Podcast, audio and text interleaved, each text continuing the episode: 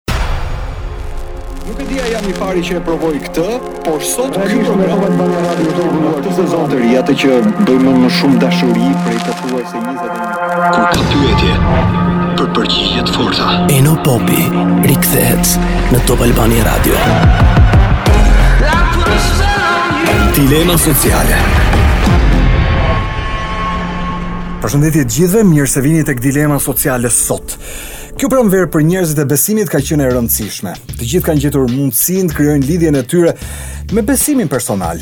Kreshme, pastaj erdhën Pashkët, agjërimi, Bajrami tek dera dhe në fund të ditës siç thoshte ime gjyshe të gjithë rob Zotit jemi. Por marrëdhënia e njerëzve, uh, por marrëdhënia e njerëzve me besimin në komunikim ka qenë gjithmonë Por marrëdhënia me njerëz dhe besimit në komunikim kanë qenë gjithmonë interesante. Kjo shto faktin se kur mes tyre ka njerëz me formim të vlerësueshëm intelektual, të cilët lidhin besimtarët me uh, disa aspekte të tjera të jetës, kam përshtypjen që ata bëhen interesantë për t'u dëgjuar dhe lidhja me besimin më e fortë. Por unë personalisht nuk hyj tek ajo kategori e besimtarëve praktikantë. Domethënë mendo praktikant jo e jo, s'mund ta thosha. Megjithatë kam një formë personale të besimit. Dhe prezencën në për mesha, në jetë e kam patur po aq rastësore, në raste të martesave, vdekjeve apo ndonjë pagëzimi të njerëzve që njoh. Por unë sot në program, kam ftuar një zotëri që jetën e tij ai e ka lidhë me besimin. Nuk e di, sa herë për shembull më ka rastis shoh Jude Law tek The Young Pope dhe më pas në sezonin e ri te The New Pope, herë pas here imazhin ngatërroj me Dom Gjergjin. Sapo ka mbush 45 dhe ndonjëherë unë nuk e kuptoj pse e gjithë jeta në devocion të besimit, shërbesave, shkallëve hierarkike, për të qenë për shembull fjala vjen, herët a vonë një kardinal, me vete them sa durim kanë këta njerëz dhe sa kohë duhet të presin deri në momentin e duhur. Nëse do të kisha mundësi, fjala vjen për shembull të dëgjoj mua dëshira, mendoj që veshja e kardinalit mund t'i kishte qëndruar boll mirë. Megjithatë, unë jam thjesht një simpatizant në këtë rast, se siç e thashë besimtar praktikant jo e jo. Puna në vite më ka bërë që ta njoh gjatë edhe ta intervistoj vazhdimisht. Por këtë herë dua t'i bëj një intervistë personale. Dua të bëj një intervistë me Dom Gjergj Metën të gjatë, sepse misioni e ka çuar si ipeshkëv i dioqezës së Rrëshenit. Dhe në thelb ai mbetet po aq interesant edhe në hapësirat jashtë besimit, kur ka pas kolumnet e veta në shtypin periodik, kur vazhdon dhe merret me publicistikë, kur mendimin e tij e thotë edhe jashtë besimit, kur ai është thjesht Dom Gjergj Meta. Me ne do të jetë në radio vetëm pas pak, biseda tek dilema sociale. Unë nuk besoj që ka shumë dilema personale, por ka për të rrëfyer. Do ta kemi në program tek dilema sot. Qëndroni me ne. Dilema sociale. Dom Gjergj faleminderit që erdhe në radio Faleminderit Eno edhe pse është një format që bashkë nuk e kemi praktiku ndonjëherë Se kemi qenë gjithmonë në televizor Tamam, nuk e kap U bë kohë pa, uh, pa të pa E pa të dëgju, shumë urime për ditëlindjen Unë e di që vjen pak vonë, po Ska problem. Më mirë vonë se kurrë. Si ndjehesh 45 vjeç? Mirë, shumë mirë. Shumë mirë, shumë shumë mirë. Ndoshta më më problem kam pasur uh, kur kam kaluar 40-at. Okej. Okay. Uh, kurse tani ndjehem mirë, ndjehem brenda habitatit tim natyrshëm. A e di pse të pyes. Do më qesh, dëgjova një intervistë para disa kohëve të uh, uh, Anthony Hopkins, edhe kur e pyetën se si është me qenë 80 vjeç, tha një flutur. Dhe thashë me vete, "Ok, çfarë përgjigje mund të jetë kjo?" Megjithatë ka njerëz që gjejnë ca forma uh, interesante për ta përshkruar veten. Problemi është që të të ndihesh mirë me me moshën tënde, të jesh mirë me trupin tënd, të jesh mirë me uh, ko- me historinë tënde. E, mendoj që kjo e bën e, fakt kjo e bën të të pranueshme, e, moshën në çdo uh, shkallë të saj, themi kështu. Un un ndihem mirë me të gjitha dimensionet e jetës time, mm. edhe kështu që 45-a është është një moment i bukur, të thoja. A, a feston një prift? Po, patjetër. Por nuk e ka problem me festu. Jo, jo, absolutisht jo. Kam marrë shumë urime atë ditë dhe kanë bërë surpriza të këndshme, plus pastaj kam festuar edhe me miqtë e mi të ngushtë. Ti dëgjove një refleksion timin personal, në raport me ty, po është kaq pak në raport me atë se çfarë në marrëdhënie ditore ti ke me njerëzit. Shë, gjithmonë kam pas një Kru dilemë personale, çfarë e përmbush një misionar në fund të ditës kur vë kokën në jastëk? Kot, duket që është pyetje shumë e gjerë dhe kaq kaq personale, po në rastin po, tuaj. E, unë nuk mund të them se çfarë çfarë përmbush një misionar në përgjithësi, po them jetën time po, konkrete çfarë e përmbush. Ah, jo gjithmonë është e përmbushur.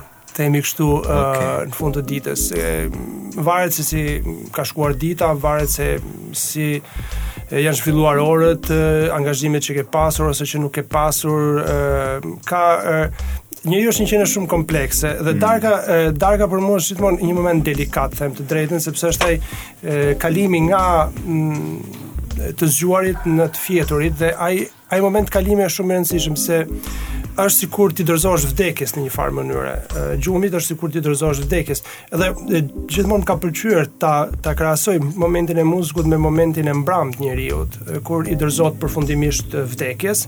Edhe edhe gjumi e ka këtë e ka këtë efekt në ekzistencialitetin e tij, mm. në të qenit e tij. Themi kështu, ti dorëzon një ditë ku je koshient, i vetëdijshëm, mm. ke bërë disa gjëra, ë uh, ke vepruar dhe në një moment të duhet që të dorëzosh gjithçka.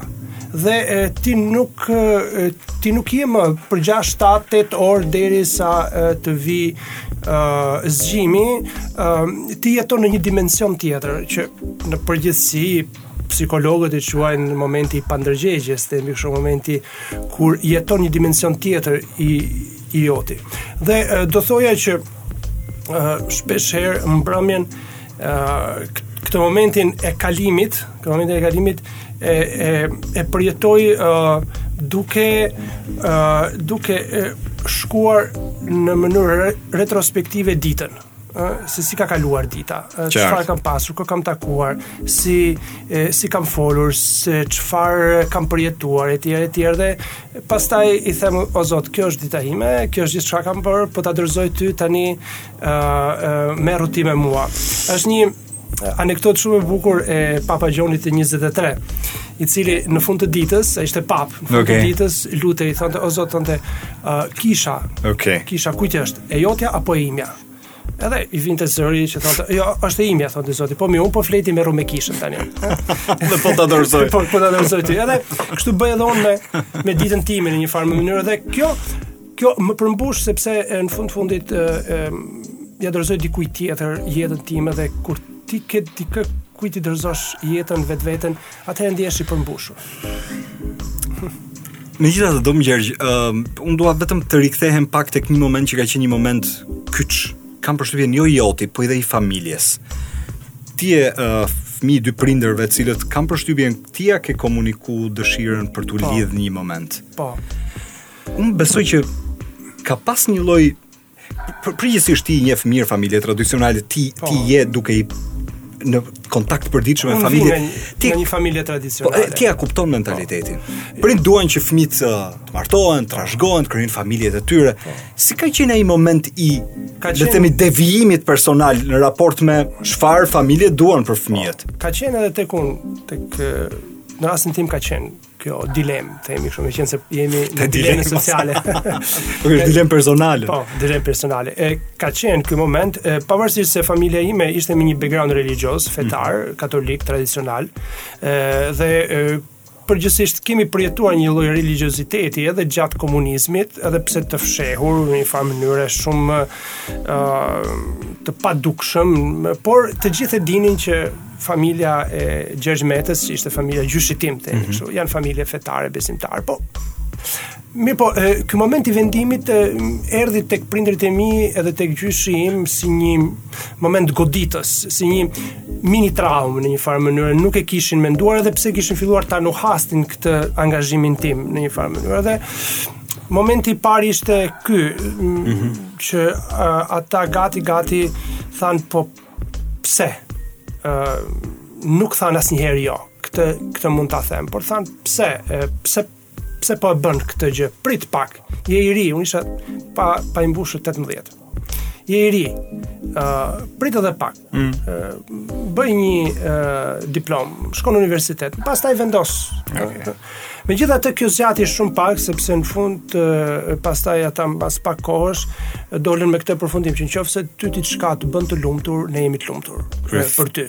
Thirrja ishte më e fortë. Po, ne jemi të lumtur për ty, ndoshta nuk e kuptojmë krejtësisht atë çfarë ti ke zgjedhur, por Qoftë se kjo të bën të lumtur ty, ne jemi të lumtur për ty. Dhe vazhdoi, pastaj nuk pati më follow up ky moment traumatik, themi mini traumatik se jo.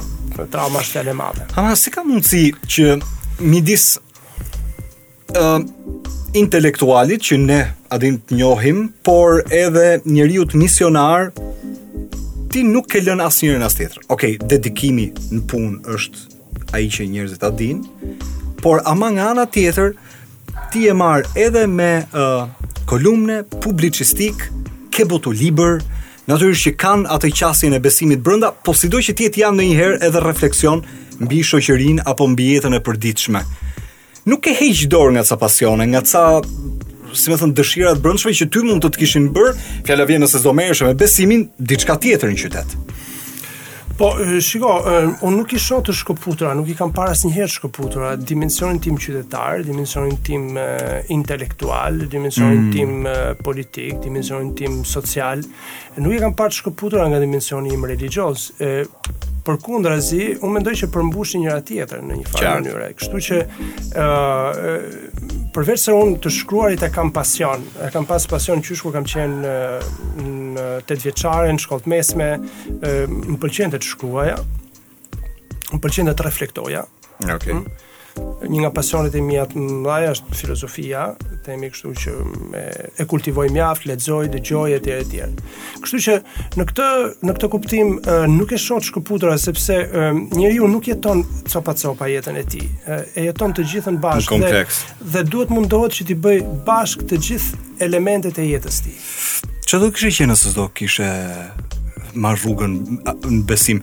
Unë nuk e di a ndodh ky procesi i bivjes, i devijimit ndonjëherë. Kthehesh në të shkuarën tënde dhe thoshe nëse do kisha pas një devijim, unë do kisha qenë, do kisha qenë ti inxhinier, do kisha hyrë në politikë, a do kisha qenë ti mjek, jurist, çfarë? Nuk ia kam idenë fare se çfarë do kisha qenë. Ndoshta ë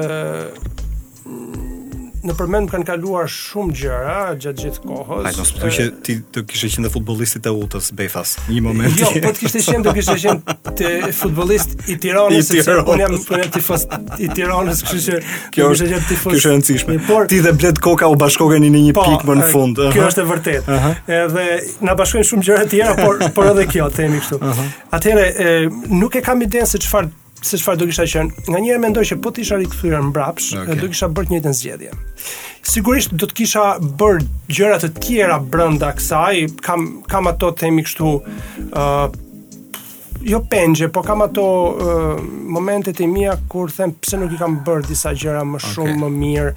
Ndoshta është edhe mosha që të bën të reflektosh e të bën që e, të kuptosh e, esencën e disa gjërave në kohën e duhur. Tani është vonë për disa gjëra, okay. por ama do kisha pas dëshirë për shembull një nga gjërat që të kisha lexuar më shumë uh, autorët e filozofisë antike dhe të dhe të idealizmit gjerman për shembull, filozofisë klasike gjermane. Uh, do kisha qenë do kisha qenë shumë i, i kënaqur për këtë gjë. Uh, tani po kap kohën, ëh, okay. po lexoj, por nuk është e mundur gjithmonë. Dilema sociale në Top Albania Radio. Unë vazhdoj të jem në radio me Dom Gjergjin të cilin uh, kam vendosur ta mbaj pak gjatë sot në raport me um, disa gjëra personale, por edhe me ato që kanë një lloj interesi publik. Unë kam pas gjithmonë interes kur kam parë njerëz të besimit që përfshihen në disa mesazhe që mundet edhe të prekin pak politikën. Do me thënë që këtu kam përshtypjen që është diçka që mund të ndalemi për të diskutuar sepse gjithsecili ka uh, pikëpamjet e veta, megjithatë unë ju vura re së fundmi, ju ishit në një mesazh që i ftonit njerëzit të votonin, dhe ajo që kuptova është që mes një grupi njerëzish Të zëshëm në qytet ishit edhe ju. A u ndie e nevojshme kjo? Kur jua propozuan thatë që po bëj dhe unë një hap para për t'i ftuar njerëzit të shkojnë të votojnë politikisht? Në përgjithësi, uh, mund të themi që Kisha Katolike ka një traditë në dhënien e mesazheve parazgjedhore.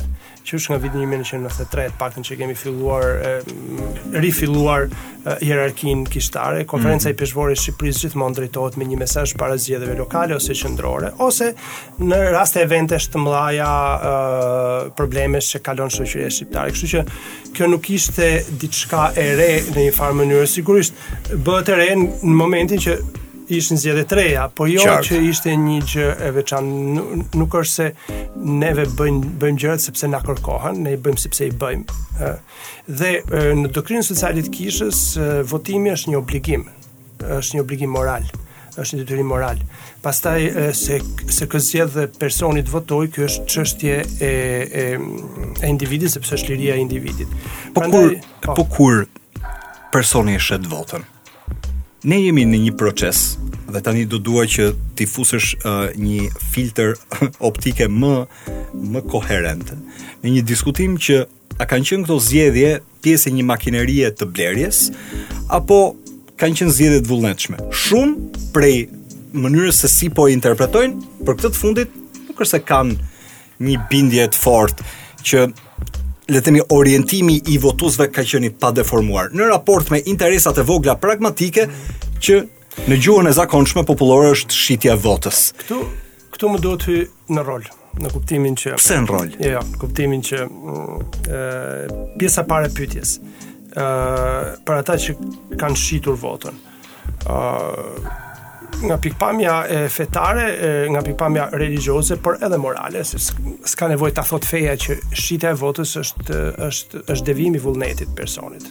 Dhe e, ti ke shitur diçka që është e jotja. A klasifikohet kjo mëkat? Është nga ato mëkatet Është mëkat pra, social, janë mëkate sociale. Pra mund të vijë dikush ë uh, edhe thotë atë kam mëkatu, kam shit votën.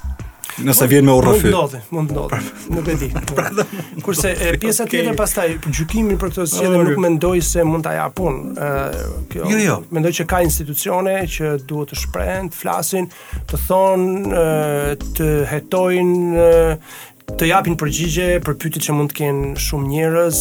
Mendoj që e, e, demokracia i ka të gjitha instrumentet për të nxjerrë në pah e, të vërtetën e një palë zgjedhjeve, e, nëse kanë qenë e, të manipuluara, nëse kanë qenë pjesërisht të manipuluara, çfarë teknikash manipulimi janë zgjedhur apo ky është vullneti i popullit apo kjo mendoj se i përket institucioneve, nuk është është opinioni. Megjithatë Dom Gjergj, vim pak tek një krahasim.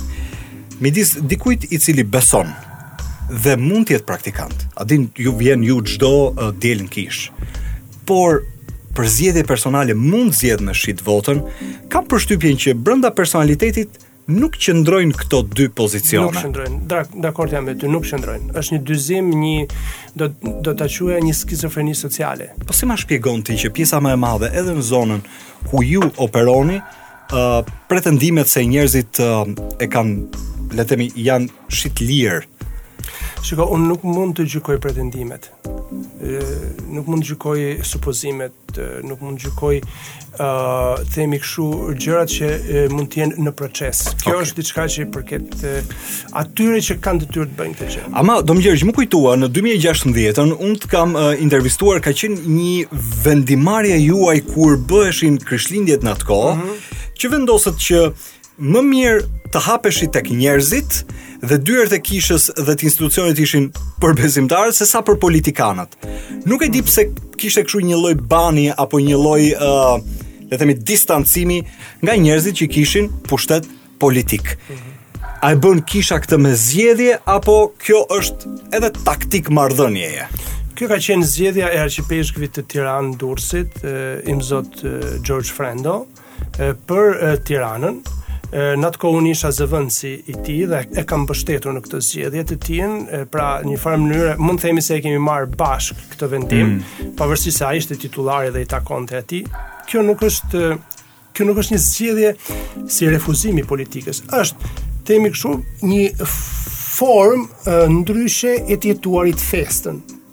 sepse e, kisha me shtetin me politikën ka punë gjithmonë sepse okay. jetojmë në një realitet okay. ke marrëdhënia nuk përcaktohet e, nga e, festa e Pashkëve apo e Krishtlindjeve kjo kjo është një formë një mënyrë që është praktikuar në Shqipëri nuk e di nëse ekziston në vende të tjera e, në Itali jo sepse në Itali për shembull në qoftë se një kryetar bashkie në qoftë se një ministër kryeministër don të festojë Pashkët shkon në kishë ditën e dielë sepse okay. është është besimtar si gjithë tjerët. Kurse në Shqipëri, meqenëse jemi shumë religjione, politikanët nuk janë të gjithë të njëjtit religjion.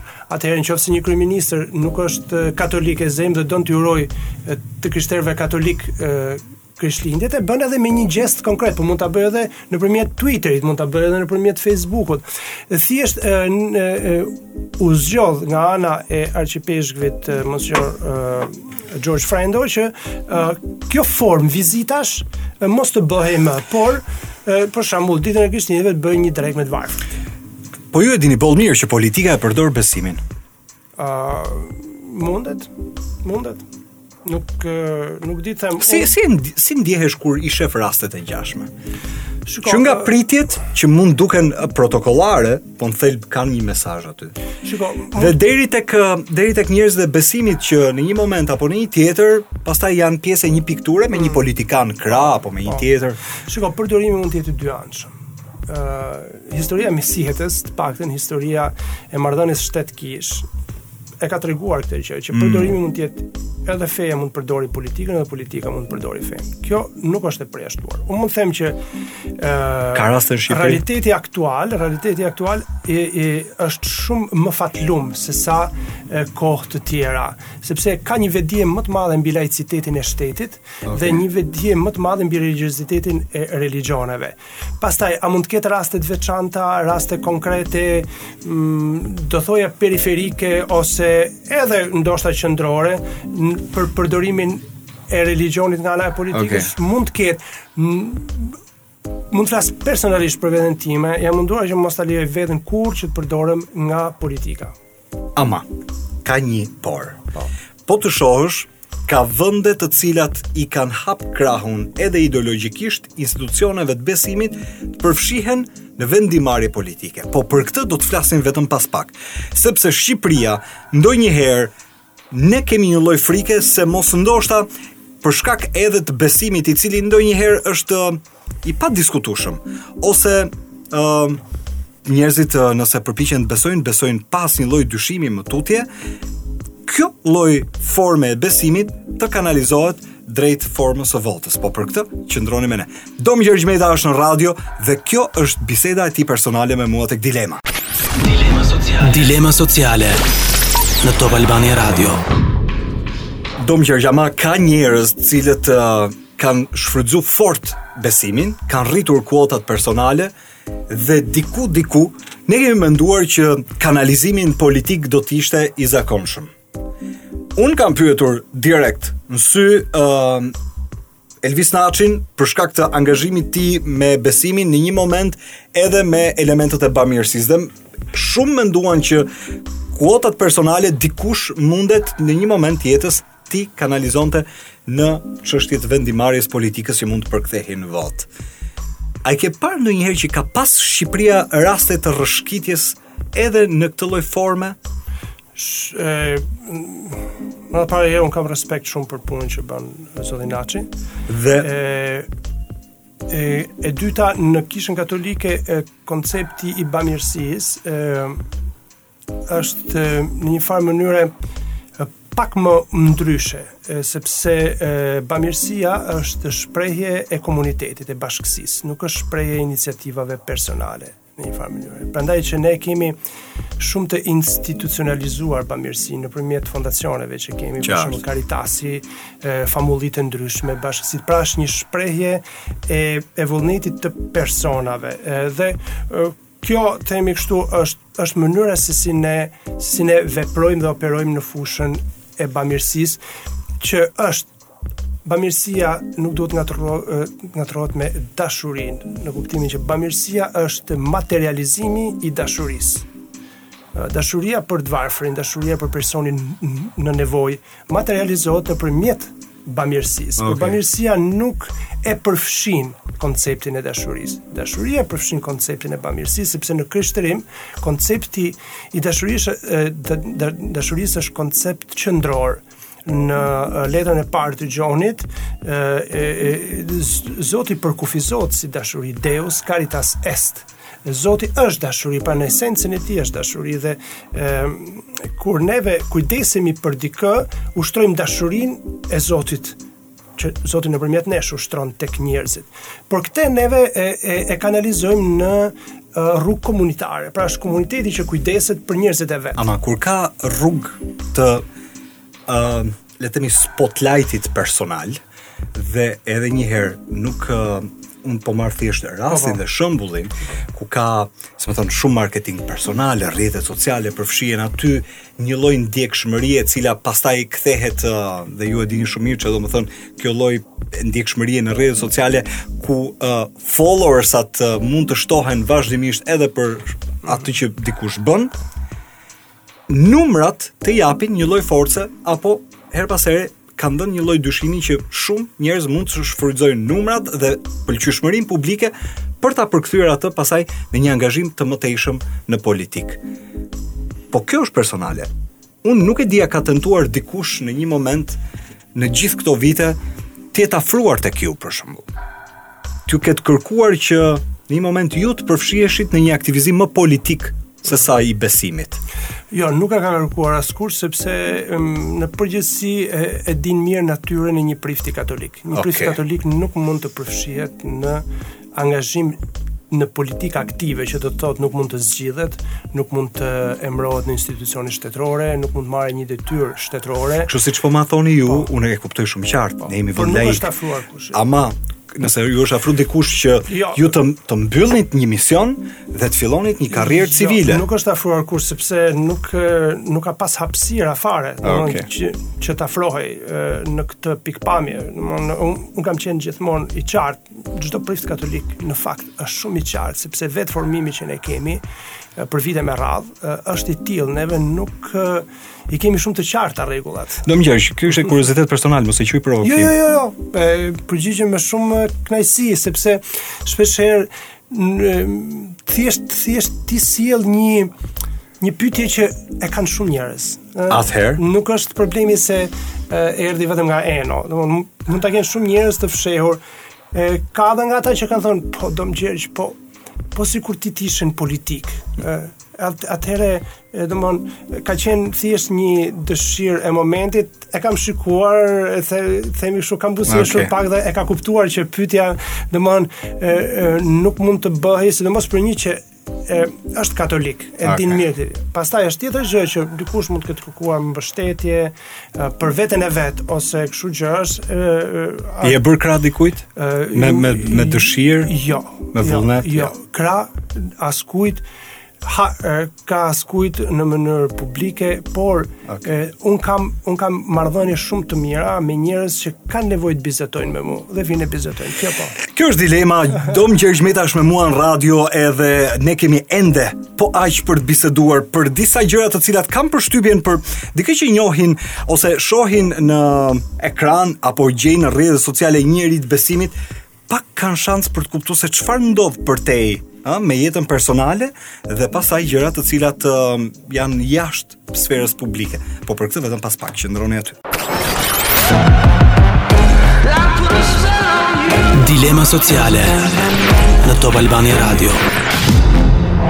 Mirë se u rikthyet tek dilema sociale me uh, Dom Gjergj Metën, un jam në radio edhe duke uh, bashkëbiseduar me të natyrisht që ti kupton që ka një dimension personal përtej asaj që është e njohur publikisht sidomos tek njerëzit e besimit tek njerëzit që kanë marrëdhënie të vazhdueshme me njerëzit dhe gjithë publike le të themi e kontrollueshme jo një qasje publike e cila është pa kufi po, sigurisht sigurisht po, sepse po për çfarë arsye pra Vet jeta e një prifti katolik është publike, nuk mund të fshihet. Por me një masë.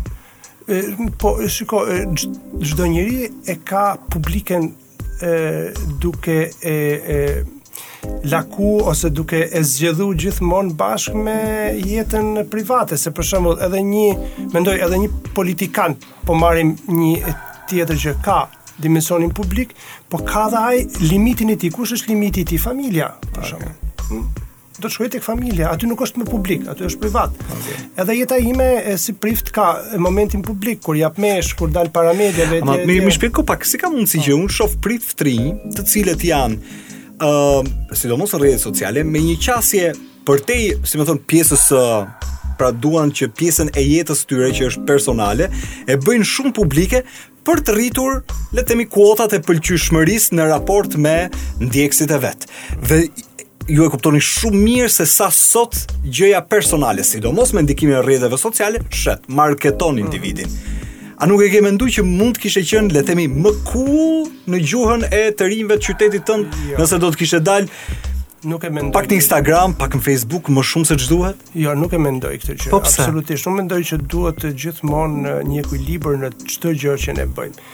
Pjesa e jetës private okay. është shumë e rëndësishme për t'u ruajtur, sepse është një farë mënyre tempulli i, i shenjtë, ku ti e, ke llogaritë me vetveten, ke llogaritë me Zotin, ke llogaritë me miqtë e tu, mm. me të afërmit, Unë mendoj që intimiteti i jetës është shumë i rëndësishëm për t'u jetuar uh, brenda limiteve për të cilat uh, është bërë. Prandaj që unë kam uh, uh, dimensionin tim publik uh, okay. dhe e, e bëj në funksion të misionit që unë kam, jo për thjesht jo thjesht për të uh, plotësuar të themi kështu dëshirat apo qejfet e mia. Sigurisht unë kur bëj një uh, postim të një fotoje nga një meshë Postoj, okay, postim një foto me një meshë është aktiviteti juaj. Po, po them një foto për shembull personale. tip selfie ose po kam bërë edhe se kam bërë gjëra të po. cilat janë shumë më po. private se sa jeta publike. Po, por atëherë unë mendoj këtë që në dimensionin se nuk ju tundon kjo Dom Gjergj e nuk më tundon sepse ka një arsye e, e, të fortë brenda sepse një gjë që shitet po përdor okay. fjalën shitet po okay. po merrem me inteligjencë okay. një gjë që shitet shumë shpejt Aha. Ëh, fikën po aq shpejt. Domthon un nuk mendoj që duhet të jap një ushqim, un un nuk mendoj që duhet të jap fast food. Okej. Okay. Megjithatë, e di çka, e di çka ngelet, ngelet shija. Dhe shija është që, okay, ky zotëri ka pak diferencë. Po kjo është personale.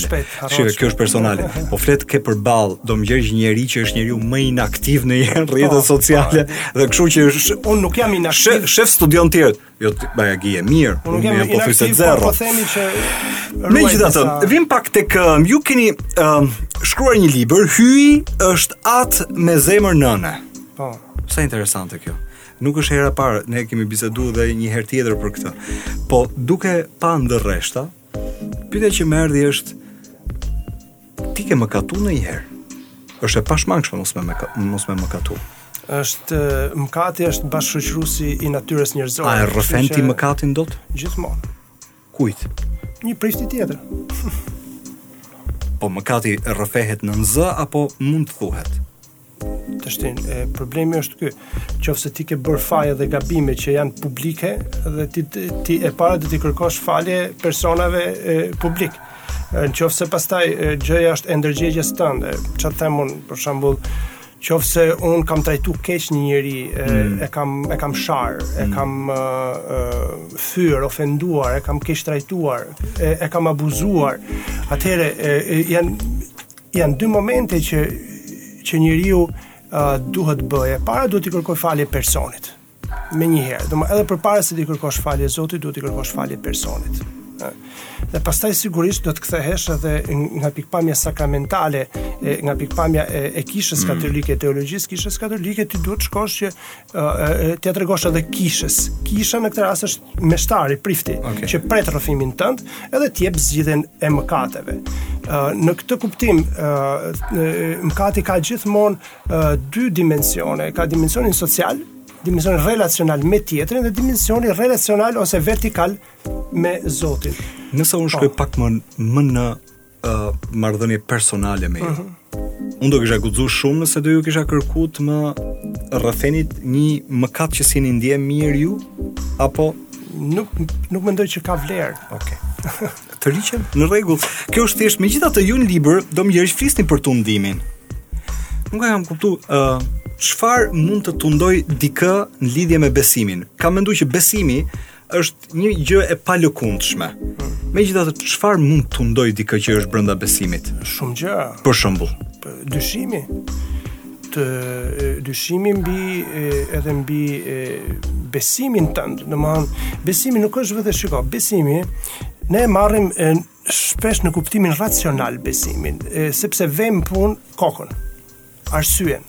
Edhe themi që dyshimi është të besosh apo të mos besosh nëse ekziston apo nuk ekziston Zoti. Kjo është vetëm fillimi i gjithçkaje. Besimi është të besosh tek dikush. Okay. Pra të kesh besim tek dikush. Të hidhesh në krahët e tij, të braktisesh në krahët e tij, sepse Unë e di që ti ekziston se të shoh këtu, okay. por kjo nuk do të thotë që unë kam edhe besim tek ti. Okay. Ose ti tek unë, xhanam. Atëherë besimi është gjithë dimensioni jonë i brendshëm që ka edhe edhe hijet e veta. Pra ne jemi të bërë drit me dritëhije, ne jemi ambivalentë. Të gjitha qeniet njerëzore janë ambivalente sepse ne jemi të hapur ndaj të përtejmes, okay. natyrshëm jemi të përhapur, edhe të, të hapur ndaj të përtejmes. Gjithashtu e përtejmja ka lirinë, pra Hyji ka lirinë që të na zbulohet edhe neve. Dhe këtu lind besimi. Dhe besimi është një relacion si çdo relacion tjetër. Ëm um...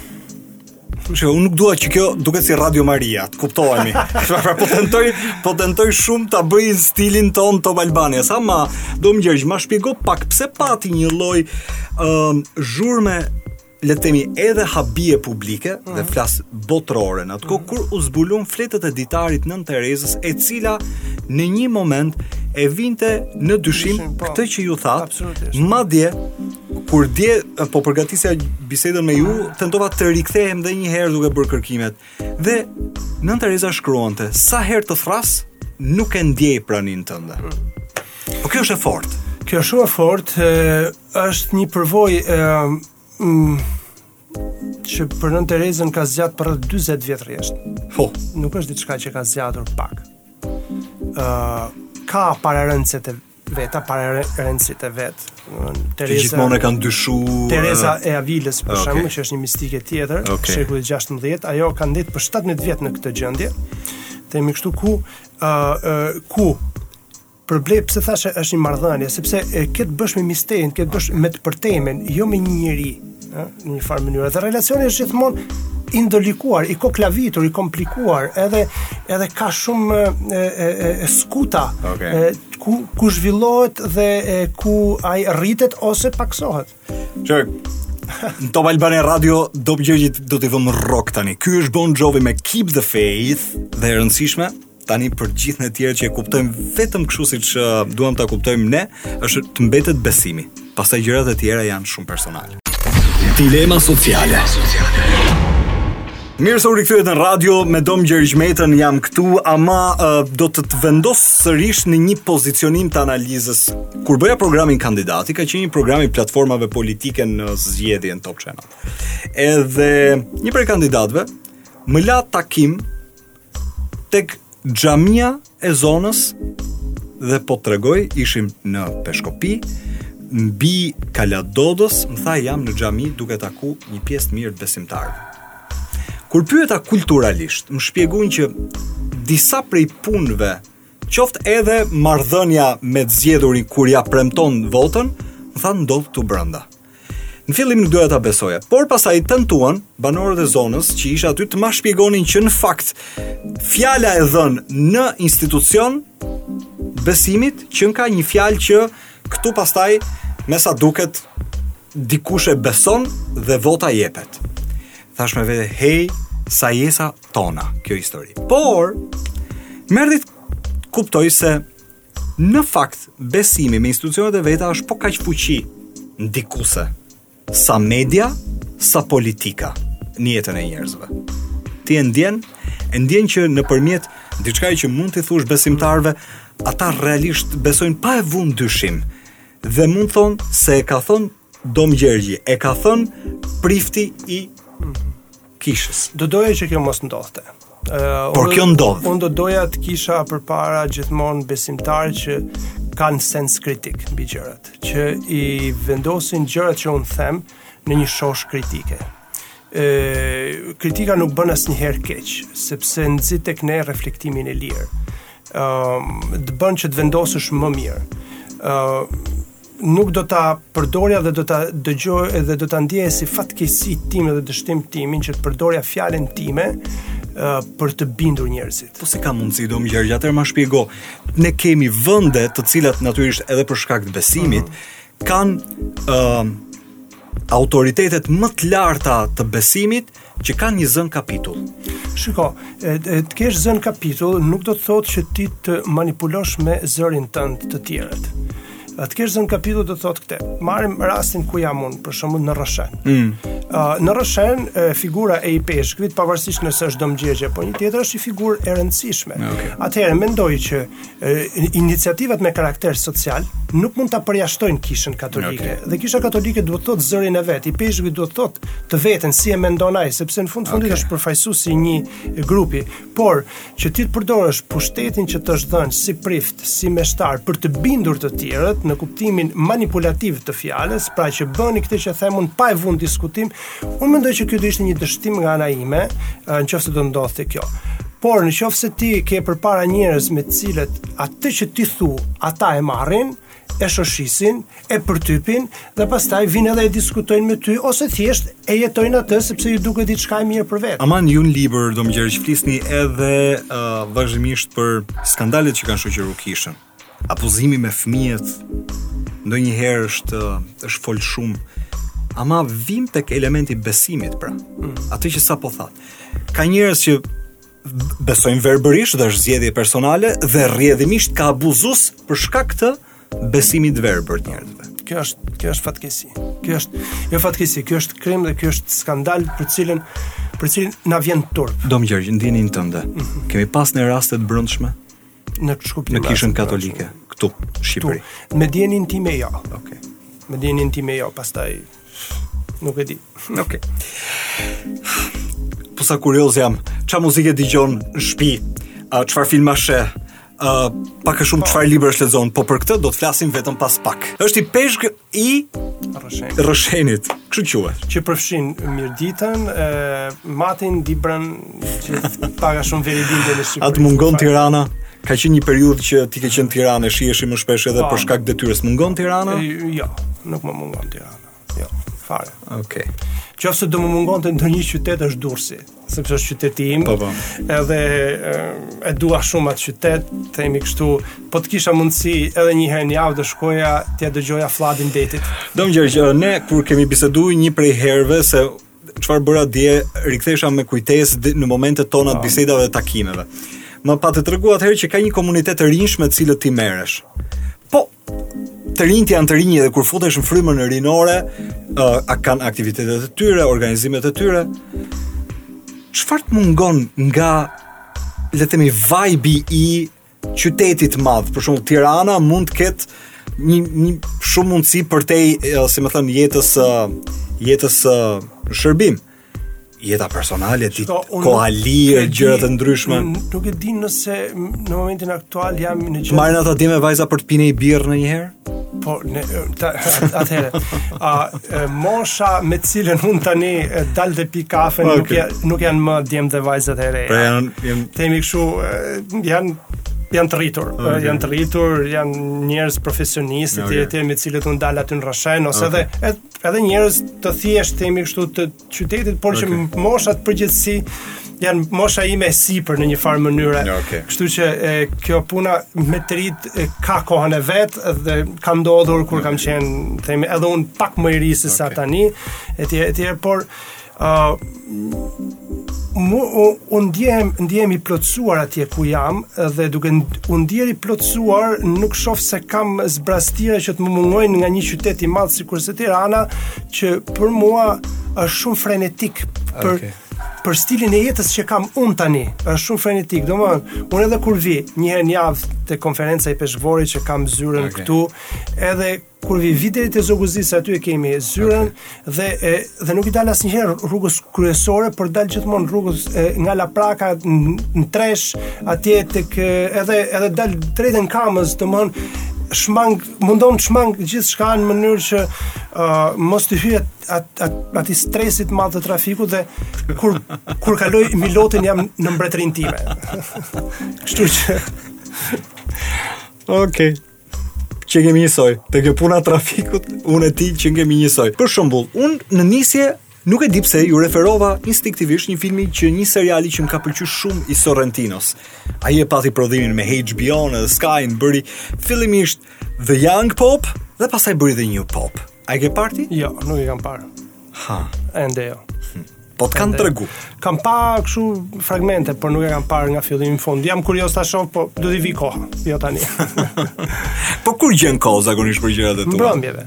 Uh -huh. Unë në përgjithësi jeta në aty në Rrëshen ku unë jetoj mbas orës 6:30 ka mbaruar në një farë mënyrë okay. dhe kështu që unë kam kohën e lirë mbrëmjeve që të lexoj, që të shoh diçka ndonjë film çfarë filmi rrall rrall emisione çfarë filmi është po themi nuk është se kam ndonjë preferencë të madhe unë shoh dy lloj filmash në përgjithësi o filma autor o filma komik në përgjithësi unë shoh komedi domthon Nuk më pëlqejnë dramat, nuk më pëlqejnë thriller, nuk më pëlqejnë eh, aksion fare, domthon këto filmat, por nëse duhet ta ndaj me përqindje, okay. unë shoh 80% filma komikë dhe 20% filma ë uh, eh, autor. autor. Ndër filmat okay. Eh, komik jam shumë i lidhur me komedinë italiane okay. në përgjithësi a a shof rrallë e, e, e filmat demencialë amerikanë, themi kështu komedi demenciale, nuk më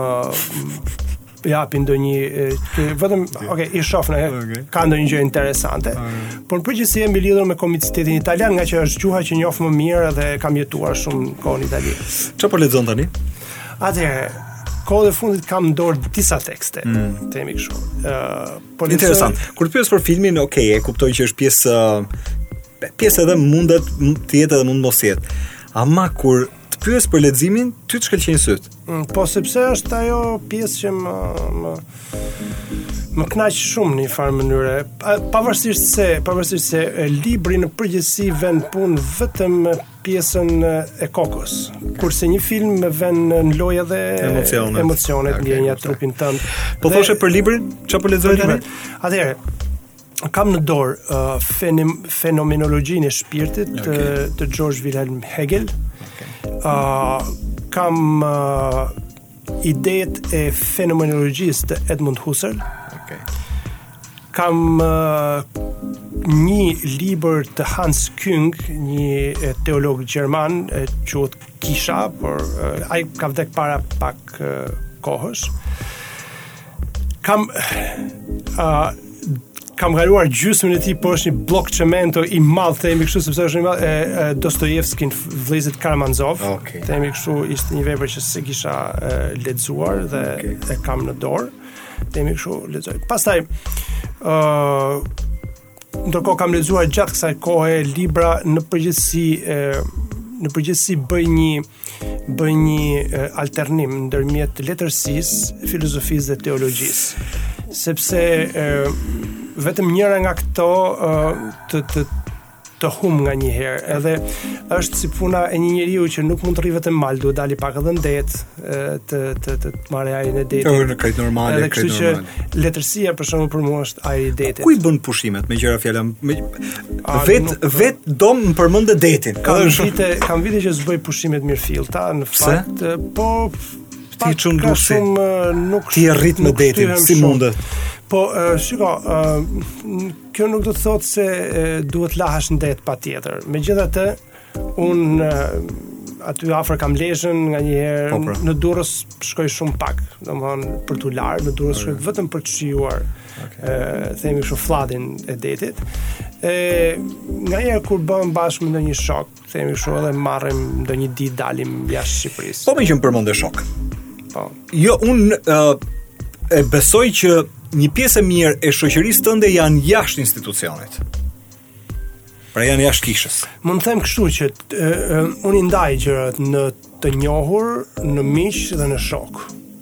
Themi kështu janë tre kategori. Un, un kam shumë njohur. Okej. Okay. Kam e, edhe ata që quhen miq. Okej. Okay. Në kuptimin që që ne e përdorim në gjuhën e përditshme. Okay. E kam mik, që domethënë kam një uh, hapësirë uh, themi uh, intimiteti të caktuar. Po, po, po, po. Dhe pastaj janë janë jashtë institucionit. Po, përgjithësisht, po, edhe por pastaj kam shokët.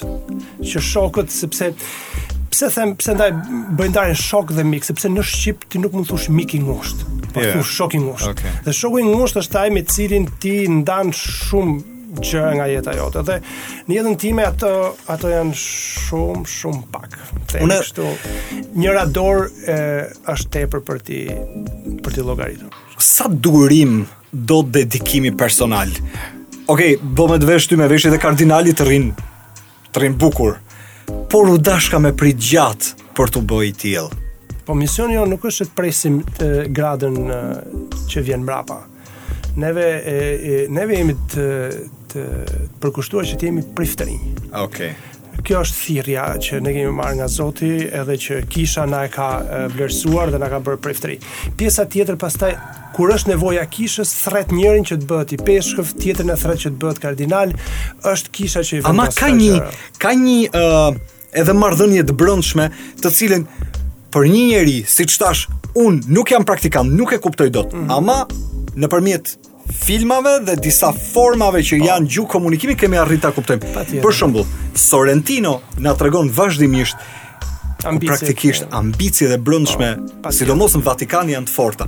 Dhe ne kemi kuptu që përgjithësisht nuk është kaq kollaj që ti pret edhe kur vjen thirrja.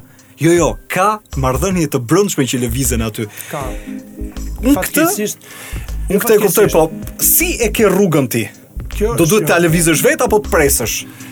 fenomeni i, i kësaj që thatë ju i ambicjes uh -huh. është është një fenomen i natyrshëm brenda nesh, secili nga ne ka dëshirë të jetë më shumë, apo jo. Nuk do të kisha distancuar ty nga ambicia personale. Shën Pali thotë këtë e, që e, nuk ka ndonjë gjë të keqe që të aspirosh okay. për karizmat e larta. Okay. Por Logjika është kjo që në kishën katolike pushteti mund du, duhet të vlerësohet vetëm në përmasën e tij të shërbimit. Themi kështu, duke iu referuar edhe fjalëve të Jezusit kur thotë më i madhi ndër ju të jetë shërbëtori i të gjithëve. Ë Kisha, si çdo institucion tjetër, është edhe edhe institucion njerëzor, nuk është vetëm institucion hyjnor. Dhe e njeriu brenda kishës është me gjithë dimensionet e tij, edhe me drithijet e tij, dhe kështu që mund të bëhen makinacione, mund të bëhen kështu. Ë uh, për veten time e mund të them këtë që unë nuk kam uh, kërkuar që të bëhem dikushi në kishën katolike. më është kërkuar që ta bëj. Më është kërkuar që ta bëj kur kam qenë në Tiranë, kur kam qenë në Durrës, kur kam marrë prapë në Tiranë, kur kur më kanë çuar në Rrëshen, uh, papa, domethënë. Pra ti uh, duke më thënë Dom Gjergj që nuk ka mik këtu? Nuk duhet të ketë. Nuk duhet të ketë, absolutisht nuk duhet të ketë. Unë nuk mendoj se A, është një gjë e bukur, është një gjë shumë antipatike. Okay. Pastaj, e, procesi i përzgjedhjes së ipeshkvijve në kishën katolike është një proces shumë interesant, po s'kemi kohë se nuk mund të ta shpjegoj. S'kemi. Por ama, nëse unë në ambicien tënde të brendshme lexoj se po intervistoj një papë të ardhshëm, a është kështu? Jo. Ja. Ja. Jo tash mund të përgjigjesh edhe po lirisht krejt po, po pse jo? Jo, do po unë nuk e di, jo? por domethënë ë mendoj që është një gjë shumë e rëndë siç është të udhëheqësh kishën katolike. ë edhe kështu që zoti do të do të mendojë shumë më të mirë se sa unë për atë punë. Dhe nuk e di pse kaq shumë uh, kur ju i, Përmenda filmin e Sorrentinos, kaq shumë janë ngulitur prej serialit disa prej mm, mm. elementëve të marrëdhënies së individit në raport me kishën si institucion, saqë herë pas here edhe kur tentoj të formuloj një pyetje, formuloj pyetjen ashtu siç e di unë nga perspektiva po. ime. A do të përgjigjem nga perspektiva ime? Krejt normale. Unë të falenderoj sot që ndave kohën me mua. Faleminderit Enos. Që erdhe nga Rrësheni, unë e di që ti do kthehesh prapë, po ë uh, sido që të jetë uh, Ishte interesante me u pa sy në sy edhe me fol. Faleminderit. Ë uh, t'uroj gjithë t'mirat. Edhe unë ty edhe suksese për emisionin. Dilema sociale natyrisht ndalet këtu. Ne do të jemi në një tjetër takim ditën e shtunë. Ju uroj gjithëve të kaloni një vijim të këndshëm të mbrëmjes. Natën e mirë.